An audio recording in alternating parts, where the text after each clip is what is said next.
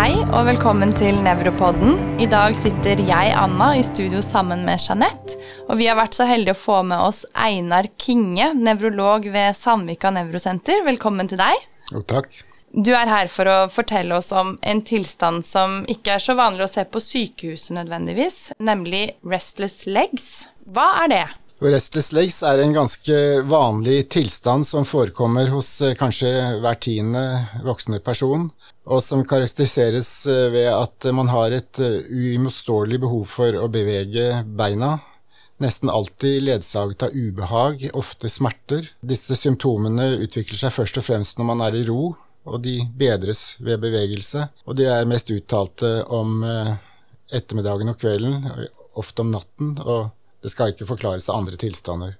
Det er de fem kriteriene. Og vi kaller det ofte rastløse ben også på norsk, gjør vi ikke det? Jo, kjært barn har mange navn. Vi har brukt begrepet rastløse bein, men eh, vi prøver å gå litt bort fra det, for det virker nærmest litt eh, komisk, eh, litt useriøst. Og vi syns det er korrekt å bruke restless legs. I Sverige bruker de restless legs ved Willy Eckborns disease. Det var fem kriterier. Kan du bare gjenta det, så alle lytterne får det med seg? Det var Det første, som er det obligate og det viktigste kriteriet, er en uimotståelig trang til å bevege beina. Nesten alltid ledsaget av ubehag, gjerne smerter, parestesier. Og det andre er eh, det ubehaget. Det oppstår i hvile. Og det tredje er at det bedres i bevegelse. Og det fjerde er at det skjer oftest på ettermiddagen og kvelden, eventuelt på natten. Og det femte er at det skal ikke kunne forklares av andre eh, sykdommer. Restless legs er jo mer vanlig hos eller er jo vanlig hos gravide. Har de større risiko for å få restless legs senere i livet? Ja da, det har de. Eh, ikke minst hvis de blir gravide igjen. Ja. Men eh, det er jo en fjerdedel av pasienter med graviditet som utvikler restless legs. Så det er jo en disposisjon for restless legs, så de, det er en økt risiko senere. Og kanskje også ved overgangsalder. Det har noe med østrogen å gjøre. Du sier 10 eh, av oss har eh, restless legs. Er det noe forskjell på kvinner og menn? Ja, det er økt forekomst hos uh, Hyppigheten øker er større hos kvinner enn hos menn, ja. ja. Og hvordan er forekomsten i de ulike aldersgrupper? Du nevnte litt der. Kanskje en tredjedel begynner før 20-årsalderen. Prevalensen øker jevnt og trutt jo eldre man blir, så dette er en spesiell uttalt tilstand hos de eldre. Restless legs, hvorfor er det en nevrologisk sykdom, da? Jo, altså man har ikke en fullstendig forklaring på det, men uh, patofysiologien peker helt klart på lidelse eller tilstander i sentralnervesystemet. Jern, dopaminergesystemet, transmittorsystemet, forskjellige transmittorer og talamus med mere. Ja, nettopp. Jeg tror ikke vi skal gå så veldig mye inn i patofysiologien, for vi skal liksom heve blikket litt. Du sier det at det rammer veldig mange, altså 10% av befolkningen. Eh, men vi nevrologer som jobber inne på sykehusene, ser det ikke så veldig ofte. Du har jobbet mer eh, som avtalespesialist og har sett mye av det. Eh, kan ikke du fortelle litt om hva er det pasienten forteller? Altså, du har jo sagt litt om kriteriene, men hva er det de liksom kommer med? For det første så er det jo dette en, heldigvis en tilstand som for de aller flestes vedkommende er lett å leve med. De kan kjenne, det intimiterende eller spesielle situasjoner. Men så er det et mindretall som har så mye plager at de oppsøker lege. Og Det typiske er jo at de utvikler et ubehag når de kommer hjem fra jobb og, og klarer ikke å sitte stille. De klarer ikke å sitte stille når de skal se Dagsrevyen, det må skje i, i stående stilling. Og de klarer ikke å få hvile, de klarer ikke å sove, og det går sterkt utover nattesøvnen. Og de fleste av dem sover dårlig, og så er de slitne og kan være nedstemte på dagen og fungere dårlig. Men eh, hvilke andre tilstander kan det være som ligner på dette, da? Eh, for det første så er det egentlig en ganske lett diagnose å stille. For det er første kriteriet bevegelsestrang. Det foregår i liten grad hos, ved andre tilstander. Men det kan lett forveksles med apolineuropati, Men der er det bare parestesien uten bevegelsestrang. Nattlige muskelkramper er en typisk ting, men de heller ikke, trenger heller ikke bevege beina. Så er det andre ting, åreknuter, kanskje fibromyalgi og forskjellige ting. Men hvordan skal man gå fram da? Fordi jeg syns jo at jeg ganske ofte hører at uh, pasienter sier at de har vondt i leggene om natta, eller de har kramper i leggene, som de tar typisk magnesium for. Hva får en til å tenke på at dette heller er restless legs? For det første så er det en tilstand som helst, siden det er så vanlig, så bør det være obligatorisk for allmennleger å kjenne til tilstanden og kunne de fem kriteriene.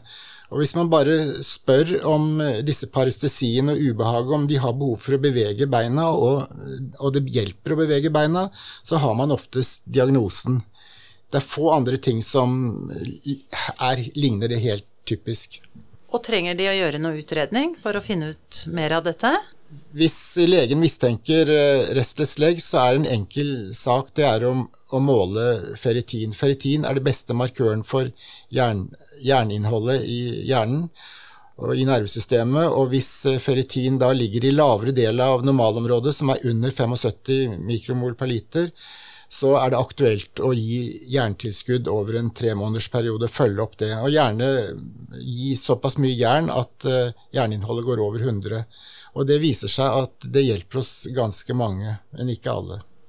Ja, Petter Northug er også veldig nøye med å ha ferritinnivåer over 100 ja, ja. Eh, når han skal drive med høydetrening. Ja.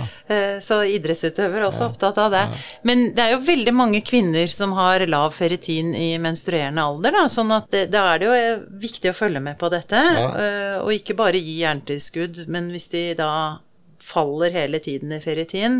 Er det også at eh, enkelte bør ha det intravenøst? Ja, altså Hvis man har for det første et eh, veldig lavt ferritininnhold eh, og veldig uttalte symptomer, så er det aktuelt å gi intravenøs behandling. Det vil jo uansett ta veldig lang tid å fylle opp jernlagrene ved peroral behandling, mens intravenøs behandling så gjør du det i en fei. Og hvis ikke det hjelper med peroral behandling, så kan det også være aktuelt å gi intravenøs behandling. Ja, Men man prøver som regel med peroral ja, behandling ja, først. Det skal være gode grunner for å gi intravenøst. Men du sier det at det, det er ikke så lett å måle jerninnholdet i hjernen, og ofte så med andre nevrodegenerative tilstander så tenker vi at det ikke er heldig å ha så høyt jerninnhold i hjernen. Men det er tilbake til den der patofysiologien ja. som vi ikke skal snakke så mye om, da. At man vet at det har noe med hjernemetabolismen i hjernen å gjøre, men vi kan ikke egentlig se det på noen bilder, kan vi det? Jo, man kan, man, det finnes MR-bilder som viser at, uh, at det er nedsatt i putamen og substantia nigra. Eh, som du ser det i de sentrale kjernene, kan du faktisk se det. Men det er en eh, eksperimentell MR, ja. ikke vanlig. Det er ikke noe klinisk bruk. Men uh, jern er en kofaktor ved tyroxynhydroksylase som har med omdanningen av L-dopa til dopamin. Så det, det, det, kan forklares. Man har ganske god forståelse for det med jernstoffskifte. Og så må man jo tenke på at ferritin også er et akutt faseprotein, da, sånn at en, ved enkelte inflammatoriske tilstander så kan det være kunstig høyt. Ja. Ikke sant? Så man må bare ha det litt i mente at selv om man måler høye verdier, så må man kan man ha lav jern? Hvis man er en, trengt opp i et hjørne og ikke helt vet hva man skal gjøre, så skal man være ganske offensiv på måling av jern, og eventuelt gi uh, jern selv rimelig høyere verdier. Altså. Jeg vil gjerne litt tilbake til uh, utredningen, for nå var vi på at uh, det var noen blodprøver vi skulle ta, bl.a. ferritin. Er det noe mer vi skal gjøre med de? Nei, altså, Man uh, skal jo selvfølgelig først fastslå diagnosen, og så gjelder det å finne ut av hvor plaget pasienten er. Og Da kan man bruke den restless legs alvorlighetsskala som går fra 0 til 40, og har de over 20, så pleier jeg å tenke på behandling.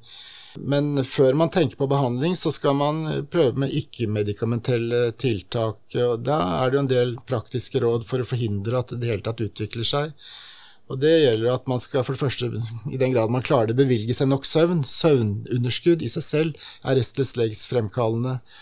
Og man skal tilråder også passende mengder fysisk aktivitet i løpet av dagen, ikke på kvelden og riktige søvnhygieniske, generelle søvnhygieniske tiltak, sånn at uh, sengen skal helst brukes til uh, å sove, ikke for mange andre ting. Og at man unngår koffein osv. Så, videre. så det er uh, viktige ting å, å, prøve på, det pluss jern. Og hvis, da kan man ri stormen av hos en del pasienter så er det også symptomatiske ikke-medikamentelle tiltak som kan være aktuelt, som ikke alle er veldig godt dokumentert, men det er allikevel trender som tyder på at det virker, og ikke minst så opplever pasientene god effekt av det. Og det er jo for det første Hvis man har mye plager, så kan det, kan det er noe som heter på engelsk mental alertness, altså at man er aktivert mentalt. Eh, med et eller annet. Eh, F.eks. man kaster seg over en PC og spiller et eller annet, eller er veldig ivrig på det.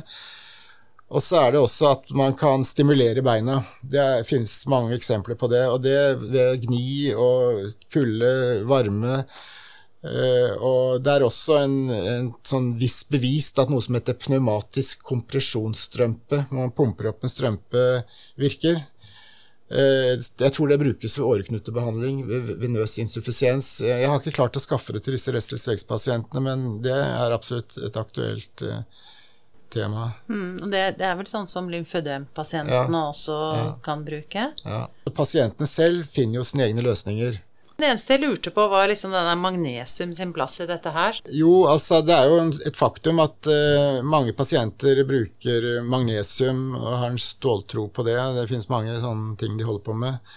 Men uh, større studier har ikke vist at, uh, at det har effekt. Men denne skalaen som du snakket om, hva er den? Altså, det er jo et spørreskjema hvor legen eh, stiller spørsmål til pasientene om hvor mye de er plaget, og hvor mange timer, og intensiteten og søvnforstyrrelsene. Så går det da at får du finner ut fire resultater lett, middels, sterk og veldig sterk. Ja, hvor finner vi dette skjemaet? Kan vi bare google? Ja, den kan vi google. altså. Ja, ja Restless er, legs. Severity scale, den er ja. brukt veldig, og den er veldig nyttig. Jeg selv som en erfaren restless legs-lege, så har jeg alltid hatt nytte av den. altså. Og det står vel kanskje litt på Nevronell også om restless legs? Ja, det gjør det. Jeg har snakket nå litt om både utredning og behandling. Men hvis vi bare avslutter det med utredning, da, for du sa det, det var ferritin, og så var det skåringsskjemaer, eh, og selvfølgelig anamnese. Eh, men hører det hjemme med noe søvnutredning? Og med tanke på sånn eh, disse som beveger beina om natten. Hva heter det? Periodic limb movements of sleep. Det er det som restless legs-pasientene har. Det er jo, Restless legs kan jo arte seg på forskjellige måter, og noen kan ha uttalte dagsymptomer og lite nattsymptomer, for så vidt sove godt. Og så har vi de som har ikke sover i det hele tatt, nesten, og, men som har lite eh, dagsymptomer. Og så vil man da prøve å kartlegge om hva er årsaken til søvns, søvnforstyrrelsene. Hvis, og da er det nyttig å ta en eh, polysomnografi, og hvis de, de, har veldig mye av disse periodiske beinbevegelsene under søvn, og med et søvn, dårlig søvnarkitektur med hyppig oppvåkning, mikrooppvåkninger, så gir det grunnlag for å behandle søvn, søvnforstyrrelsene med enten dopaminagonister eller lyrika eller nevrontin. Det er med å styrke indikasjonen for medikamentell behandling ja, av restless absolutt, legs? Absolutt. Ja. Men som sagt, det er kanskje fåtallet. Og så har vi jo i Norge i dag eh, kanskje ikke så god kapasitet med tanke på nevrofysiologiske undersøkelser, så noen ganger så har man en noe mer pragmatisk tilnærming til dette ved at man prøver ut behandling basert på anamnesen. Ja. Er det noe mer eh, denne pasientgruppen trenger å utredes for? Nei, ikke utredning, men man skal tenke på før man går i gang behandling, så skal man jo tenke på om de har noen grunnsykdommer, f.eks. om de har nyresvikt. Det hører med. Ja, om de har lavt stoffskifte. Om de har triggerfakt medikamentelle triggerfaktorer, om de bruker medisiner som kan utløse restless legs. Det er et veldig viktig poeng. Ja, Så anamnesen er ekstremt ja, viktig her, ja. da, også med tanke på at det er en del ting som forverrer det i anamnesen. Så gå gjennom både eh, bakgrunn, aktuelt og stimulansia. Ja. Det er trisykliske antidepressiva og eh, serotoninreopptakshemmere som brukes en del av disse restless legs-pasientene fordi de sover dårlig om natten og fordi de kan være nedstemte, det kan utløse forsterket restless Tilsvarende sederende antihistaminer. Så det er viktig å være opptatt av disse tingene. De gammeldagse antihistaminene, ja, sånn som ja, Valergan f.eks., er det ja. de du tenker på? Ja. Så en god medikamentanamnese, da. Så det er en del iatrogene årsaker. Så også her, på, på restless leg, så må man gå gjennom hele lista med tanke på liksom utløsende årsaker. Hører nevrografi hjemme i utredningen? Hvis man er i tvil om diagnostikken, det er man sjelden. Eventuelt hvis de har komorbid polynevropati, så kan det være aktuelt, altså. Okay. En god klinisk undersøkelse er ja, vel også ja. her viktig, da. Mm, men da er vi litt over på behandling, og det har vi jo vært litt inne på. Det gjelder å forebygge restless legs eh, ved at man sørger for å bevilge seg nok søvn, i den grad man klarer det. I regelmessig fysisk aktivitet og vanlige søvnhygieniske tiltak. Og så har man symptomatisk ikke-medikamentell behandling, som, hvor man kan prøve å bli avledet mentalt, eh, og hvor man kan stimulere beina på forskjellige måter. Det er også relevant, eventuelt bruke noe sånn pneumatisk kompresjon hvis man uh, får tak i det. Og så er vi over på de medikamentelle. Ja, For det første gjøre opp med seg selv som lege, og med pasienten selvfølgelig, innforstått, om det er indikasjon for medikamentell behandling. Eh, og det er viktig at man har en relativt høy terskel for medikamentell behandling. Jeg skal komme tilbake til det, hvorfor det er, egentlig er ganske problematisk, faktisk. Eh, men vi kan skille mellom tre pasientgrupper. Det ene er behov for intermitterende restless legs, intermitterende behandling. Og det andre er kronisk restless legs. Og det tredje er behandlingsrefraktær restless legs.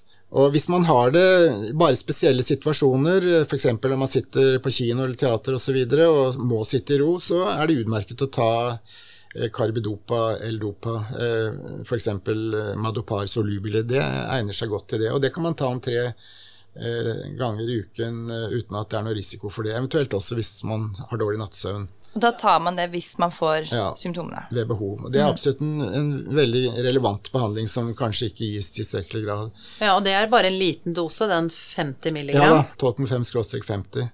Hvis man ender opp med at man er så plaget og har daglige plager som går på bekostning av livskvaliteten, så uh, kan det være aktuelt å gi medikamentell behandling etter at ikke-medikamentelle tiltak er utprøvd. Hvis det er aktuelt eh, med behandling og etter at uh, ikke-medikamentelle tiltak ikke har vært tilstrekkelige, så finnes det tre uh, legemiddelgrupper som brukes i behandling av restless legs. Og det første som jeg vil spesielt komme sterkt tilbake til, det er pregabalin, gabapentin den andre gruppen er dopaminagonister, og det tredje, som vi så vidt skal komme inn på, det er opioider til slutt. Allerede nå så kan jeg si at det er såpass mye problemer med dopaminagonistene. De, en stor del av dem utvikler, av pasienter med dopaminagonister utvikler forverring over tid, slik at per i dag så er eh, gabapentin, skråstrek eh, eh, det er førstevalg. Ja. Og de har eh, jo definitivt eh, bivirkninger som gjør at eh, det kan være vanskelig å gå i gang. Spesielt hos eldre så er det jo problemer med ustøhet og nedsatt kognisjon. Og man kan gå opp i vekt med dem, og det kan også gi psykiske forstyrrelser, bl.a. suicidalitet. Så eh, det må man ta hensyn til når man velger eh, riktig behandling. Men, men det har ikke problemer med at pasientene blir jo ikke verre underveis. Det er det som er det store spøkelset. Når det gjelder dopaminagonistene, så har vi to tabletter-typer. Det ene er ropinerol, og så er det Pramipexol, og så har vi et plaster Rotigotin. Og eh, overordnet så har de omtrent samme effekt og til samme bivirkningsprofil. Uh, og det er ikke noe stor forskjell på effekten mellom uh, gabapentin, pregabalin og dopaminagonistene. Så de kan man velge som hipp som happ i forhold til effekten. Men disse dopaminagonistene har jo definitivt bivirkninger med hodepine, kvalme, svimmelhet. og så er det et problem som man har blitt eh, økende fokusert på, det er eh, det store spøkelset som på engelsk heter augmentation. Det heter vel augmentasjon på norsk. Ja, Så det er på en måte en slags paradoksforverring? Paradoksforverring, ja. Og det går ut på at uh, symptomene utvikler seg raskere. De utvikler og blir sterkere. De utvikler seg tidligere på dagen enn det de vanligvis gjør. Og de sprer seg til andre kroppsdeler. F.eks. hvis de har begynt eh, i eh, beina, så kan de spre seg til armene. Ja, og det har man blitt mer og mer oppmerksom på er et egentlig ganske stort problem. Og ifølge litteraturen så oppstår det hos uh, ca. 7-8 av pasientene per år. Og hvis de da har brukt det i ti uh, år, så har 70-80 av pasientgruppen uh, augmentation. blir det regress av symptomene hvis det da slutter på dopaminagonister? Det, eh, det, er et eh, tegn på augmentasjon, at, eh, at, symptomene kan bli mindre når man tar ned dosen. Jeg kan snakke litt For det første, det viktigste er å forhindre augmentasjon, og det er aller viktigste er faktisk at man unngår dopaminagonister. Og det andre er hvis man først begynner med det, så må man ha lavest mulig dose. Man skal ikke behandle dem til de blir symptomfrie. De pasientene må leve med at de har visse symptomer. Sånn er det. Øh, og, og, sånn at man skal aldri gå over 0,54 på Pramexol, helst ikke over 2 mg, i hvert fall ikke 4 mg på Ropinerol osv. Så, videre. så det som også er forskjellen på tablett og rotigotin, altså plaster, det er at rotigotin virker over eh, lengre periode, virker hele dagen, i motsetning til de andre som har, har mer avgrensede symptomer på dagen. Så er det kanskje greit å bruke tabletter. Hvis man har det spredd utover hele døgnet, så kan man bruke plaster. Så man kan bruke dopaminagonist, men bør egentlig unngå det, og man bør starte med mm, gabapentin og Pregabalin. Pregabalin, ja. ja. Eh, og hvis man tar dopaminagonist, så laveste dose, og egentlig kanskje Du nevnte jo også eh, levodopa, da, eller dopamin direkte. At hvis man bare har plager akkurat til et spesielt tidspunkt, så er det bedre å ta eh, ren levodopa. Ja, absolutt. Man må være litt eh, varsom her, og man må egentlig ha et veldig godt samarbeid med pasienten, da, hvis jeg hører riktig. Ja da, og pasientene de er eh etter hvert ganske godt opplyste, mange av dem. Og de, de er klar over dette her til dels. Ja. Litt om behandlingen av augmentation, forsterkning. Det er at man ved lett augmentation så kan man prøve, hvis man bare har én dose, kan man prøve å forskyve til to doser. Det kan virke bra. Også hvis man har augmentation ellers, så kan man endre, switche fra eh, dopaminagonist til eh, pregabalin eller gabapentin. Og så skal man samtidig da prøve å trappe ned på dosen. Det finnes forskjellige måter å gjøre det på, men det kan være veldig vanskelig å behandle augmentation. Eh, og så er det eh, opiatene da man kan hjelpe til. Men, men den behandlingsrefraktære restless legsen, det er vanligvis det er vanskelig å vite om det skyldes en, en, spontan forverring av restless legsen eller er augmentation. Sannsynligvis eh, er det augmentation, og jeg har personlige erfaringer med det i ganske stor utstrekning. Jeg har behandlet restless legs-pasienter i nesten 20 år, og det var hallelujastemning i starten, alle ble bra, det var morsomt å være nevrolog, men så opplevde jeg det som etter hvert litteraturen ble oppmerksom på, at de ble jo verre etter hvert. Så plutselig hadde jeg en tung portefølje av pasienter som slet fælt. Og det er augmentation. Og hvis man har behandlingsrefraktær restless legs, det kan være en kunst å behandle, og da er det bl.a., som jeg sa, switche over til um, pregabalin, gabapentin og prøve å komme ned på dosen av uh, dopaminagonister og eventuelt vurdere en lavdose av eh, opiat targenikk. Nå vet jeg kaster kanskje en brannfakkel inn i, i, systemet her, men eh, jeg har bedret livskvaliteten til en del pasienter ved å gi en lavdose targenikkbehandling. Jeg har ikke hatt problemer med det i det hele tatt. Pasientene er selv skeptiske til å begynne med targenikk. Men det er jo selvfølgelig et veldig lite mindretall. Men hvis man har pasienter som fullstendig går på veggene og er uh, helt fortvilte og ikke sover, så vil man de, bruke de tiltakene man har til rådighet. Men hovedregelen er å holde seg borte fra opiater, holde seg borte fra dopaminagonist, eh, gjøre alle andre tiltak og bruke nummer én pregabalin og gabapentin. Eh, men du har jo nevnt dette med kognitive teknikker, da, med Hva var det du kalte det? Eh, at, mental stimulering. Mental stimulering. Men hvor kommer på en måte psykologer inn, eller kognitiv atferdsterapi? Jeg mener å ha lest at det er gjort eh, sporadiske forsøk på kognitiv behandling eh, uten at jeg kan si noe om det. Det er ikke en behandling som har liksom fått innpass i særlig grad. Men det er klart at eh, vi har ikke snakket så mye om komorbide tilstander. Nei, det kan vi gjerne ta. Og det, hvis vi tar det fysiske først, da, så er det jo eh, kjent at det er økt forekomst av hjerte-karsykdom eh, ved restless legs. Det er økt forekomst av hypertensjon. Det er også visse meddelelser som antyder at det er økt risiko for å utvikle Alzheimer. Men det er vel kanskje mer en sekundær følge av insomnien enn en kronisk insomni, som er, kan være en årsak, eller i hvert fall medvirkende til Alzheimer.